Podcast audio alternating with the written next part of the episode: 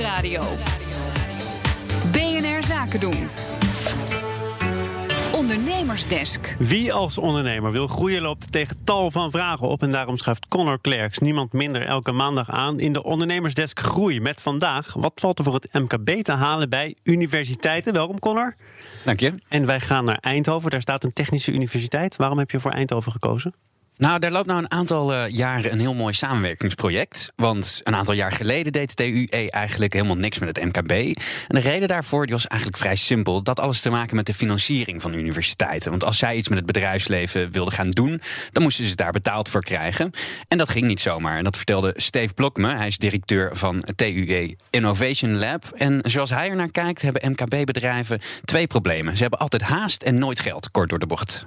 Aan de andere kant uh, is het wel duidelijk dat uh, een heel groot percentage, boven de 80, uh, van alle innovaties in Nederland komt bij het MKB vandaan. En verder is het zo dat meer dan 80% van alle mensen in Nederland werkt in het MKB. Dus wij hadden de visie dat de studenten die uitstromen bij de TU Eindhoven dan ook voor een groot deel naar het MKB gaan. Dus wij moesten een nieuw model ontwikkelen om met het MKB samen te werken, wetende dat ze altijd haast hebben en vrijwel nooit geld. Tenminste, dat was de perceptie. En daarom is eh, de TU in Eindhoven toen gestart met een nieuw programma. Living Labs heet dat. En in die Living Labs werken studenten samen met het MKB.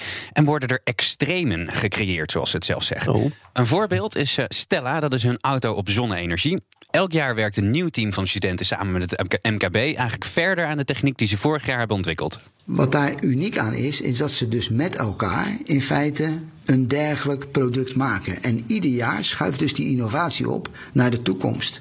En eigenlijk zal het voor de toekomst, zal het min of meer een mobiliteitssysteem zijn. In plaats van een auto. Want het kan ook een vliegend ding zijn, of een UFO, of weet ik veel wat.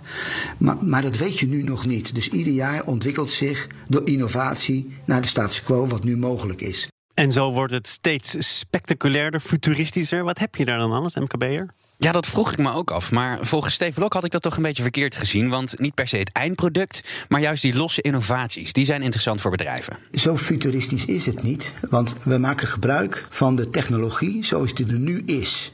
Alleen die combineren we met elkaar.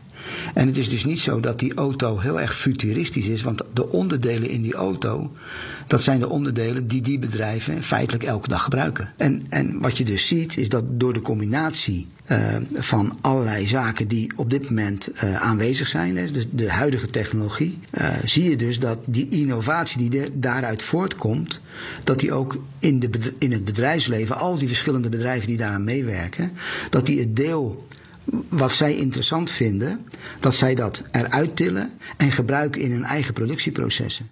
En ook als je het niet zelf mee hebt ontwikkeld, kun je er profijt van hebben. En het is ook zo dat alle uh, intellectual property die vanuit dat proces wordt gegenereerd, wordt ook door de universiteit uh, in open innovatie aan het bedrijfsleven gegeven. Dus niemand hoeft daarvoor te betalen. Nou, dat klinkt fantastisch. Maar door hoeveel hoepels moet ik heen voordat ik samenwerk met de universiteit? Nou, ik dacht, hier komt een hele lange lijst, maar dat viel reuze mee. Een hoge mate van enthousiasme en visie op de toekomst. Ah. Iedereen is welkom. Nou, Goed. Ja, je hoort het. Ja, er is eigenlijk uh, ook veel meer te halen bij uh, de TU Eindhoven dan alleen zo'n zonneauto. Er werken bijvoorbeeld studenten aan uh, robots die volledig autonoom voetballen. Dat moet jij leuk vinden. Dus de beslissen nou, helemaal ongetwijfeld beter dan ik zelf, inderdaad.